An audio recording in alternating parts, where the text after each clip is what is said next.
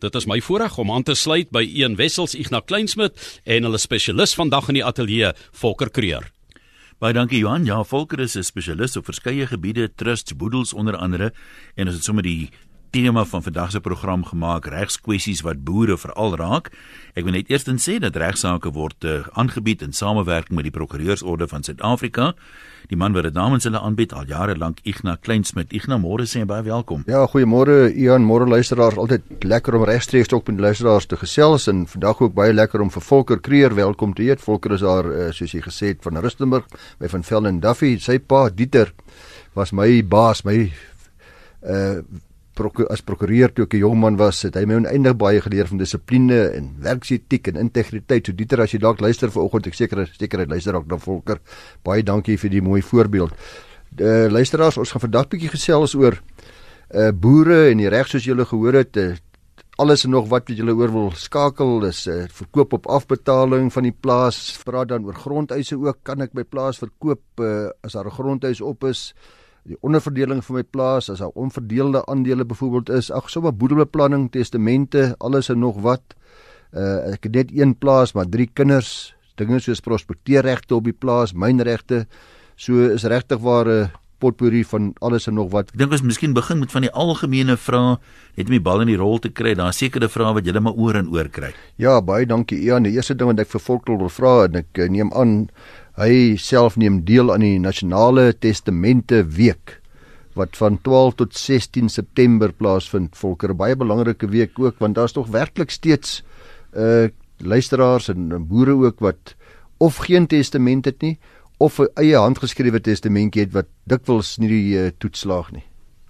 Ja, ek gaan dit kos werklik nie veel om 'n testament te laat opstel nie en gedurende die testamente week van die 12de tot die 16de September kan 'n mens ook by deelnemende prokureursfirmas gratis 'n eenvoudige testament laat opstel. So jy kan gerus by die prokureursorde navraag doen oor die prokureursfirmas wat deelneem en dan gedurende daardie week die prokureur gaan sien om um, vir u gratis 'n testament op te stel. Uh dit is ook so dat die prokureur nie maar daarop mag aandring dat hy eksekuteur is van die uh, uh boedel en gevolge die testament. So daai voorwaarde geld ook en dan gaan die testament ook gratis vir u opgestel word. Ja, baie dankie Volker. Ons het 'n paar vragies ook gekry skriftelik en ek gaan net een die eerste een vir jou voorhou. Uh die persoon vra nie om anoniem te wees nie, maar gaan dit tog maar anoniem hanteer. Hy sê ek en my pa het uh, so 3 jaar terug begin boer op huurgrond. Ons het nou ons eie grond gekoop. Uh en die paaiement op die grond word deur my vader betaal. Uh ons het ook hy het ook 'n huis verkoop en al die geld van die huis uh ingesteek in die plaas sê hy. Uh en ook so my suster se erfdeel is ook dus in die plaas.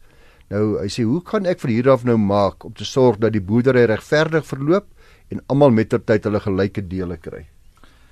Ek maar ja, as maar altyd 'n moeilike situasie waar pa en seun saam boer, boer. Pa wil gewoonlik aan die een kant sorg dat die seun billik behandel word omdat hy gehelp het om byvoorbeeld die plaas op te bou en aan die ander kant wil pa ook maar sorg dat die ander kinders hulle billike deel erf. Daar's 'n verskillende opsies wat 'n mens kan oorweeg. Nie een van hulle sou ek sê is eenvoudig ehm um, uitvoerbaar nie. Elkeen het maar sy potensiële haakplekke. Een moontlikheid sou maar wees om dit eenvoudig te hou en te bepaal dat die seun alles erf en dan te aanvaar dat die ander kinders maar in die kortste end trek Erfvader sal soms voel dis billik, veral omdat die seun gehelp het om die plaas op te bou en sy ouers dalk ook op hulle ou dag op die plaas versorg. 'n Ander argument is dat die seun wat boer word in elk geval uit die plaas bevoordeel, hy verdien reeds 'n inkomste daaruit. Hy moet dalk voordeel uit die verbeterings uh, trek, maar wat die grond as sulks aanbetref, moet uh, al die kinders gelyk hanteer word. Uh, so 'n moontlikheid is om te bepaal dat hy die plaas erf maar dat hy dan die ander kinders moet uitbetaal. Nou wat die uitbetaling aanbetref, ehm um, is daar ook 'n paar opsies waarna mens kan kyk uit 'n kontantvloei oogpunt. Een is om te bepaal dat hy kan afbetaal oor 'n billike termyn saam met dalk rente. Ander moontlikheid is om te bepaal uh, dat hy 'n lewenspolis uitneem op die erflater se lewe sodat hy dan inderdaad voldoende fondse het om die ander kinders uit te betaal op datum van afsterwe. Nou laasgenoemde is dalk ook 'n oplossing wat uh, hierdie luisteraar uh, kan oorweeg. Ons kan byvoorbeeld die plaas laat waardeer en dan bepaal wat die waarde daarvan is en wat sy pa dus ingesit het in die boerdery en dit dan deel met die ander kinders en dan lewensversekering uitneem ten einde te sorg dat daar voldoende fondse is vir die bemakingsprys wat hy dan aan die ander uh, moet uitbetaal. Of as hy dan nie gelukkig is met die premiekoste van so 'n lewensversekeringspolis, gaan natuurlik ook afhang van hoe oud sy sy pa is uh, wat die koste daarvan gaan wees, kan 'n mens dalk in die testament bepaal dat hy 'n bemakingsprys moet betaal oor 'n redelike termyn. Volker ek het hier 'n SMS wat miskien aandui die dinge waaroor mense bekommerd is, maar wat nie noodwendig op jou spesialisgebied val nie, so voel vry as jy dit nie kan antwoord nie. Iemand vra hier, wat sê die bestaande wetgewing kan die regering op jou grond beslag lê sonder vergoeding? Nou dis 'n hele katnies van dinge, maar ek sê dis nie goed waaroor mense bekommerd is. Ek weet nie of ja. jy 'n opmerking of twee daaroor wil maak nie. Ja, ek kan Jan dit net weer sê daar's tans 'n baie ewige debat oor die nuwe uh grondeise proses, is ook die nuwe onteeningswetgewing uh wat nou besig is om die lig te sien en uh, daar's allerlei berigte dat mense baie bekommerd is oor die vraag of hulle nog 'n redelike vergoeding kan kry. Ek het baie baie daarna gaan kyk en ook 'n uh, bietjie gaan kers opsteek by kenners. En ek is tevrede daarby dat uh alhoewel die definisie vir waarvoor grond gebruik word in Suid-Afrika, as hy nou sê beslagneem bedoel en ek maar onteien waarvoor grond gebruik word, iets wat uitgebrei is om te sê dat grond nou ook onteien kan word as dit in nasionale belang is. So dit sluit nou so dis 'n bietjie weier met ander woorde as wat dit eers was, is die definisie in die prosesse om die waarde te bepaal nog steeds in plek uh, en jy kan nog steeds beswaar maak teen die vergoeding net soos jy altyd kon en dit kan nog steeds bepaal word op 'n billike redelike waarde uh, waarop jy onteienig gaan word. So die kans in Suid-Afrika op die oomblik dat grond net gevat kan word uh, soos mense beweer, uh, is werklik nie die waarheid nie. Is nie korrek nie. Hier's 'n baie interessante vraag. Veral jare gelede was dit amper gebruik dat 'n kind of 'n klein seun met die oupa se naam erf die plaas. Nou hier het ons 'n so 'n geval. Iemand sê oupa het in sy testament gesê net uh, kinders en kleinkinders met die naam Willem en dan nog 'n paar familiename mag die grond erf, maar ek en my vrou het nou sover net 5 dogters. Ehm um, wat gebeur nou as daar nie 'n kind is, 'n seun is wat Willem of Wilhelm of wat ook al gedoop kan word nie? Ja, as uitgangspunt kan 'n mens in ons reg op grond van die beginsel van testeervryheid bepaal in jou testament wat jy wil. As dit dan so blyk dat daar geen uh afstammelinge is wat aan die spesifieke vereiste voldoen nie, dan uh, gaan 'n mens moet kyk of die testament vir 'n alternatief voorsiening maak. As daar nie alternatief is, dan gaan die wet op interstate erfopvolging mag geld. Dan gaan 'n mens daarvolgens moet bepaal wie dan uh, uh, mag erf. Oor die algemeen probeer ek maar altyd kliënte te oortuig om nie te voorskrifklik te wees in hulle testamente, maar liewer dit eenvoudig uh, te hou en uh, dit aan uh, erflaters uh, of, of aan erfgename oor te laat om uh, na aanleiding van omstandighede op daardie stadium te besluit wat die regte ding om te doen met die met die spesifieke bates. Volker ja, ding daarvan. Dit was net dit dit vinnig uh, ja. ekskuus tog Ignas. Baie oupas, dis 'n eer as kleinkinders na jou vernoem word en dis waarskynlik 'n 'n bietjie druk op die seuns, jy weet, en jy kan aan my regte name hê as hy die plaas wil hê. Daai tipe van ding, maar mense dink nie altyd daaraan dat seuns nie 'n gegewe is. Sien ons vyf kinders, is nou al vyf dogters, né? Ja, ek dink dis jy sal verskiet kan argumenteer en hoop probeer oortuig daarvan dat die bedoeling nie regtig was met so streng uh, tegnies te maak nie. Daar's nou vyf dogters en ek dink jy vyf dogters het dalk 'n kans as hulle hof nader om die hof te oortuig dat dit daarom nou nie in die staat moet wees nie dat dit tog steeds daarom hulle moet wees omdat daar nou nie 'n seun is nie. Maar uh, dis 'n moeilike ene daardie uh, wat ek eintlik vir Volker wil vra is interessant na aanleiding van hierdie vraag is daar's ook sekere bepalinge in testamente wat uh, wat nie die wat nie slaag nie omdat dit 'n uh, kontrabonus mores is is teen die openbare sedes en gevoelens nê. Nee, daar's voorbeelde van hofsaake daaroor Ja, ek nou uh, al is dit so dat 'n mens as uitgangspunt kan bepaal in jou testament wat jy wil is is daar tog beperkings uh, as die hof oortuig kan word dat uh, sekere voorwaarde teen die openbare belang is, dan uh, kan dit uh, uh, geskraap word. Uh, die grondwet is natuurlik in hierdie verband ook nogal relevant. Uh, Daar's byvoorbeeld 'n uh, hofsaak waar 'n uh, erf later bepaal het dat sy kind 'n sekere godsdiens moet uh, beoefen voordat hy kan erf en in so 'n geval gaan die konstitusionele hof natuurlik sê dat dit ongrondwettig is. Dit uh, druis in teen ons reg op godsdienstvryheid. So so 'n voorwaarde sal byvoorbeeld geskraap word in 'n testament. Ja nog interessante een wat al deur ons howe gegaan het en waar die hof gesê het dat die bepaling is uh, nie aanvaarbaar nie is waar die erflater sê dat hy gee sy geld vir beurse maar slegs vir blanke studente. Uh in 'n geval blanke Afrikaanse studente, die hof het gesê jy kan sê Afrikaanse studente, uh maar sodra jy die blanke sê dan is die uh, diskriminasie daarin onaanvaarbaar. Hier's 'n vraag wat eintlik 'n hele paar aspekte opper van anoniem. Die situasie is drie kinders, lyk my het gesamentlik ouers die ouers se plaas geërf. Nou sê hy, uh waar, hoe moet die grond nou geregistreer word? Ons het 'n ou BK, kan ons die grond daarin sit? Ek neem aan hulle is almal lede van die BK, die drie kinders. Dis die een vraag en dan vra hy, wat nou as een van die kinders nie belangstel in die boerdery nie? uh is daar uh, kan jy hom uitkoop of uh, is daar belasting implikasies en dan wat wel geldelike implikasies het my pa 23 maande voor my ma gesterf. Sy is nou 6 maande terug oorlede. Dit blyk nou dat daar groot bedrae kapitaalwinsbelasting op die plaas betaalbaar is. Nou is 'n bietjie vaag om spesifieke advies te gee maar met kapitaalwinsbelasting kan 'n mens gewoonlik vooraf planne maak ek is dit as die mens eers oorlede is, weet ek nie of daar nog nog iets te doen is nie. Daar kan jy sommer so gesamentlik bietjie praat oor die kwessies volker. Ja, uh, Ian, wat die eerste vraag aanbetref, die drie kinders wat nou saam die plaas moet erf, is die wet op onderverdeling van landbougrond relevant. Volgens die wet mag onverdeelde aandele in landbougrond nie deur uh, mede-eienaars besit word sonder die toestemming van die minister van landbou wat 'n uh, redelike lang proses is om te bekom en ook moeilik uh, toegestaan word. So in so 'n geval gaan uh, 'n mens moet kyk of die testament vir alternatief voorsiening maak. So daai uh, plaas gaan nie kan oorgedra word na die drie kinders nie. Ou gaan uh, dan in ja. die testament normaalweg bepaal dat in so 'n geval 'n maatskappy opgerig moet word sodat die plaas dan oorgedra word kan kan word aan die maatskappy en die drie kinders uh, kan dan die aandeelhouers wees in die maatskappy. So dis wel aanvaarbaar omdat daar dan net een eienaar, naamlik die maatskappy van die plaas is. Kan hulle daai BK dan gebruik hiervoor? Ehm um, ja, as die testament nou nie daarvoor voorsiening maak nie, dan ongelukkig gaan daar 'n verkoping uit die boedel moet plaasvind wat uh, belastingimplikasies het.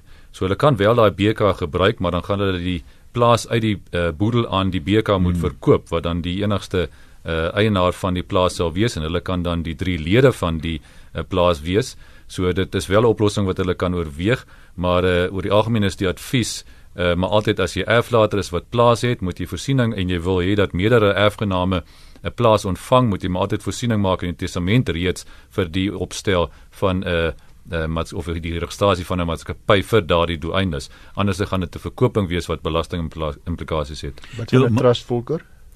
Trust is ook 'n opsie, so dit is 'n ander alternatief wat 'n mens kan oorweeg om in die uh, testament daarvoor voorsiening te maak of 'n mens kan ook nou 'n trust oprig in die luisteraar se geval en dan die plaas verkoop aan die trust wat dan die eienaar daarvan gaan wees en dan die kan die drie kinders die begunstigdes van die trust wees. Kan 'n mens as jy as 'n man en 'n vrou byvoorbeeld saam 'n huis koop, twee mense, dan kan jy die huis registreer gesamentlik in hulle name. Kan 'n mens dit nie met landbougrond ook doen nie? Kan die kinders nie byvoorbeeld dat dit in al drie se name saam geregistreer word nie? Nee, dis juist wat die wet op onderverdeling van landbougrond verbied. Die idee is nou maar om nie uh, landbougrond uh, in onekonomiese eenhede op te snip nie. So die vereiste daar bly dat in die geval van landbougrond 'n mens nie sonder die minister se toestemming mede-eienaars mag wees.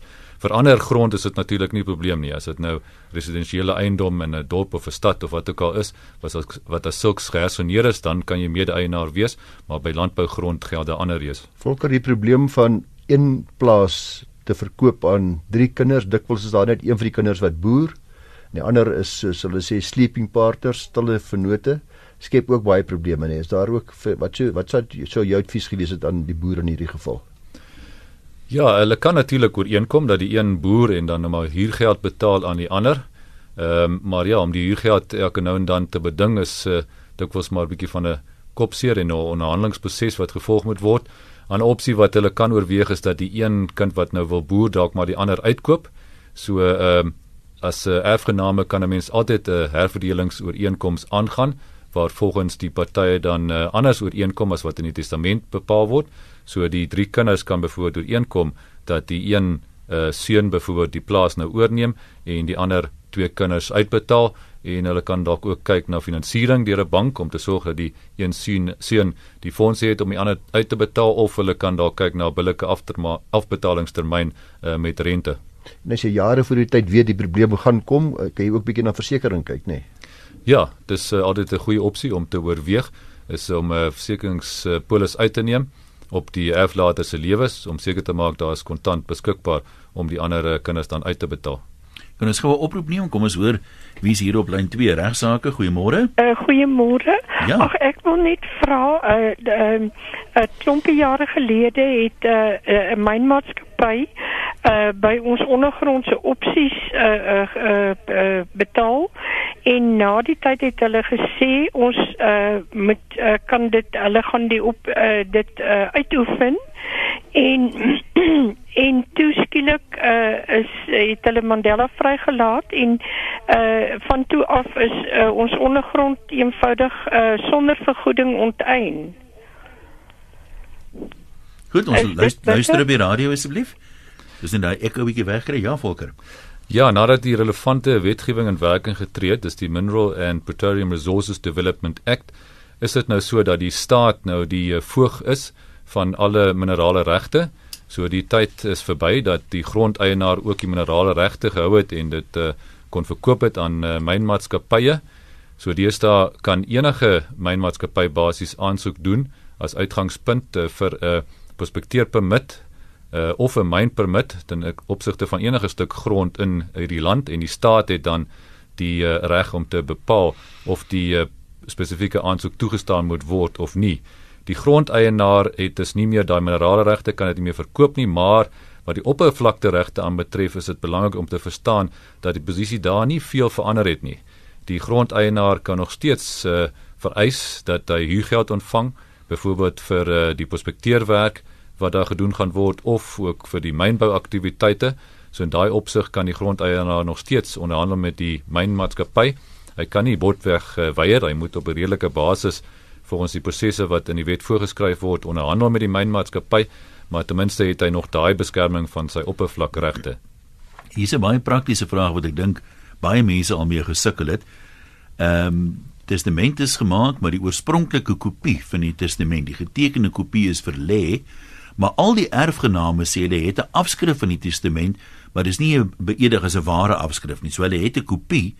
Die oorspronklike is weg. Kan hulle hoe maak 'n mens nou? Jy het die testament, maar hy's nie geteken nie. Of hy's nie beëdig nie. Uh wel, ja, dis dis dan ook al 'n relevante vraag. Ek dink het hy gesê dis uh nie ja, hy, geteken hy, nie. hy sê hier hulle die afskrifte, hulle het almal afskrifte van die testament, maar dit is nie beëdig as ware afskrifte nie. Okay, maar dit klink asof hy wel geteken is, maar hy dalk nie die oorspronklike een nie. Ja, Korrek, dit- kom ons korrek. aanvaar dit so, ek dink dit lyk reg. Ja, so, ja. Want ehm ja, as die oorspronklike een verlore is, dan is daar inderdaad 'n vermoede dat die testateur uh, bedoel het om die testament te roep. So dit is dan 'n probleem. Maar gelukkig maak uh, die relevante wetgewing daarvoor voorsiening dat 'n mens 'n hofaansoek kan bring om uh, 'n hof te oortuig dat dit inderdaad 'n ware afskrif van die oorspronklike een is en dat die testateur bedoel het om uh, dit sy finale testament te maak al is die oorspronklike een dan nou nie beskikbaar nie. So as 'n hof dan oortuig is dat daar geen sprake is van enige bedrog nie, dat dit inderdaad die testateur se uh, wil was dat dit sy laaste testament is, dan kan 'n mens self uh, met uh, afskrif uh, regkom. Die feit dat hy nou nie gesertifiseer het uh, gesertifiseer is, is nie regtig uh, relevant nie. Die vraag is maar net uh, was dit die oorledene se bedoeling gewees dat dit sy finale testament is. Is natuurlik belangrik om oorspronklike testamente behoorlik te bewaar.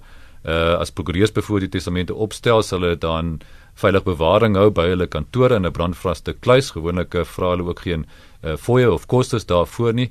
So dit is altyd maar 'n goeie opsie wat 'n mens kan oorweeg is om die oorspronklike testament maar liewers by die prokureur te los. Hier's nog 'n praktiese vraag. 'n Testament praat van wettige nakommelinge van die testateur.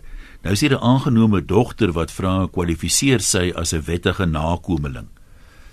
Ja, aangenome kinders word uh, volgens ons reg oor dieselfde kam geskeer as ander kinders. So uh, so 'n kind sal dan ook kwalifiseer in gevolge 'n testament uh, waar dan net na kinders verwys word of ook in gevolge die wet op interstate erfopvolging as dit dalk nie 'n testament is nie.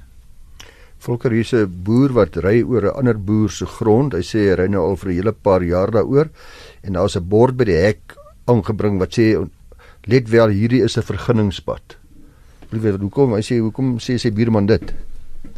Ja, ek nou ek dink dit is maar 'n poging om te sorg dat verkrygende verjaring nie te sprake kom nie. Volgens ons reg kan daar 'n servituut pad ontstaan ten gunste van die gebruiker daarvan as hy vir 'n tydperk van 30 jaar daardie servituut pad gebruik asof hy die uh, reghebende is en om seker te maak dat mense nie met so 'n probleem sit nie uh, is dit 'n opsie om nou byvoorbeeld so 'n kennisgewing op te sit om uh, dit duidelik te maak dat dit 'n vergunning is.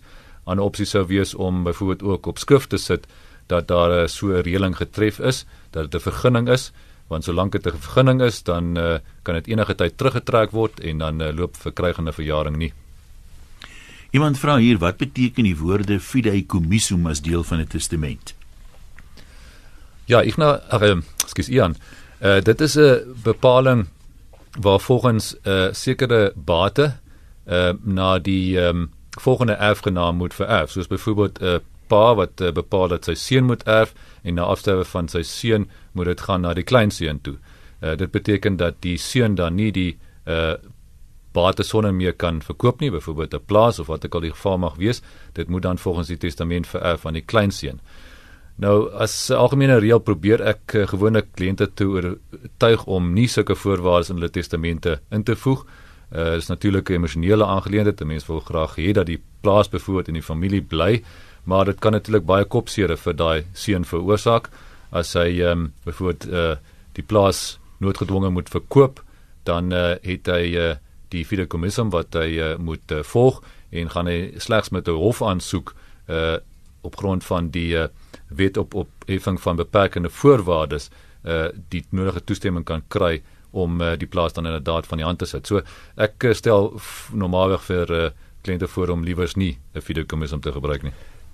Ek wil nou praat van kleinkinders volker. Uh, ek het onlangs 'n geval gehad waar die persoon wou gehad het ek moes in die testament net doodnoodig bepaal dat elkeen van sy kleinkinders gebore en nog gebore te word 100 000 rand sal ontvang by afsterwe as 'n uh, testaat. Uh, is dit wenslik om dit net so te los? Ja, ek nou uh, mens kan in beginsel ook voorsiening maak vir uh, kinders gebore te word, so dit is in orde.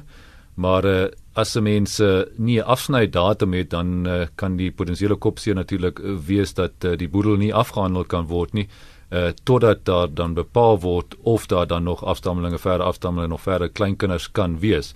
So as 'n mens uh, na so klousule wil uh, kyk dan moet 'n mens uh, sorg dat behoorlik bewoord word sodat daar nie praktiese probleme later ontstaan nie. En die tweede deel om die kontanthouder te bemaak sonder om voorsiening te maak dat waarheen die kontant wie dit vir hulle gaan beheer. Ja, ek nou uh, by minderjarige kinders uh, is dit belangrik om maar altyd voorsiening te maak vir 'n trust vir daardie kinders. As 'n mens nie so 'n bepaling in 'n testament het nie, dan uh, gaan kontant erfposies na die voogtyfonds van die staat toe en dan moet die voog uh, elke keer aansoek doen daar vir uh, die uitbetaling van die fondse wat 'n proses is wat mense beslis wil vermy. So is baie beter om maar liewers voorsiening te maak vir die oprig van 'n trust en dan trustees te benoem wat mense weet jy kan vertrou en wat behoorlik na die trustbates sal omsien en dit sal beskikbaar stel aan die uh, minderjarige kinders of die voogte soos wat hulle dit nodig het en dan later aan die kinders sal uitbetaal sodra hulle oud genoeg is. Hier's twee vrae toevallig wat handel met 'n baie basiese ding.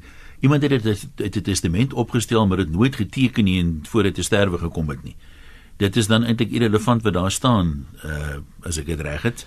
Ja nee, heeltemal nie. Uh daar is 'n uitsondering op die algemene reël. Die algemene reël is natuurlik dat testamente moet geteken word aan die einde daarvan voor twee getuies wat ook teenwoordig moet wees.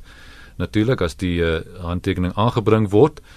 Ehm um, daar is egter 'n um, 'n uitsondering die uh Wet op Testamente artikel 2 sub artikel 3 maak daarvoor voorsiening dat die hof uh die nakoming van die formaliteitsvereistes kan kondeneer. So 'n uh, erfgenaam kan dan 'n uh, hof nader en die hof oortuig dat die oorledene inderdaad die testament opgestel het en bedoel het dat dit sy laaste testament is en weer eens as die hof oortuig word dat daar geen sprake is van enige uh, bedrog of uh, uh, misleiding of wat ook al dan uh, kan die hof die uh, betrokke do dokument vir klaar as 'n testament van die oorledene en dan sal daaraan uitvoering gegee word. Dis alwaar vir ons gaan tyd hê. Ek is jammer, 'n vinnige e-posadres dalk vir luisteraars wat jy wil kontak Volker. Dis Volker, eh, V O L K E R by ffd.co.za. Dan een van die 10 Oktober af het ons 'n paar programme saam met Volker wat hy vir ons gaan praat oor boere en die reg en baie meer detail. Nou maar reg. Ek sê baie dankie. Prokureurs of die regsaake word moontlik gemaak deur die Prokureursorde van Suid-Afrika.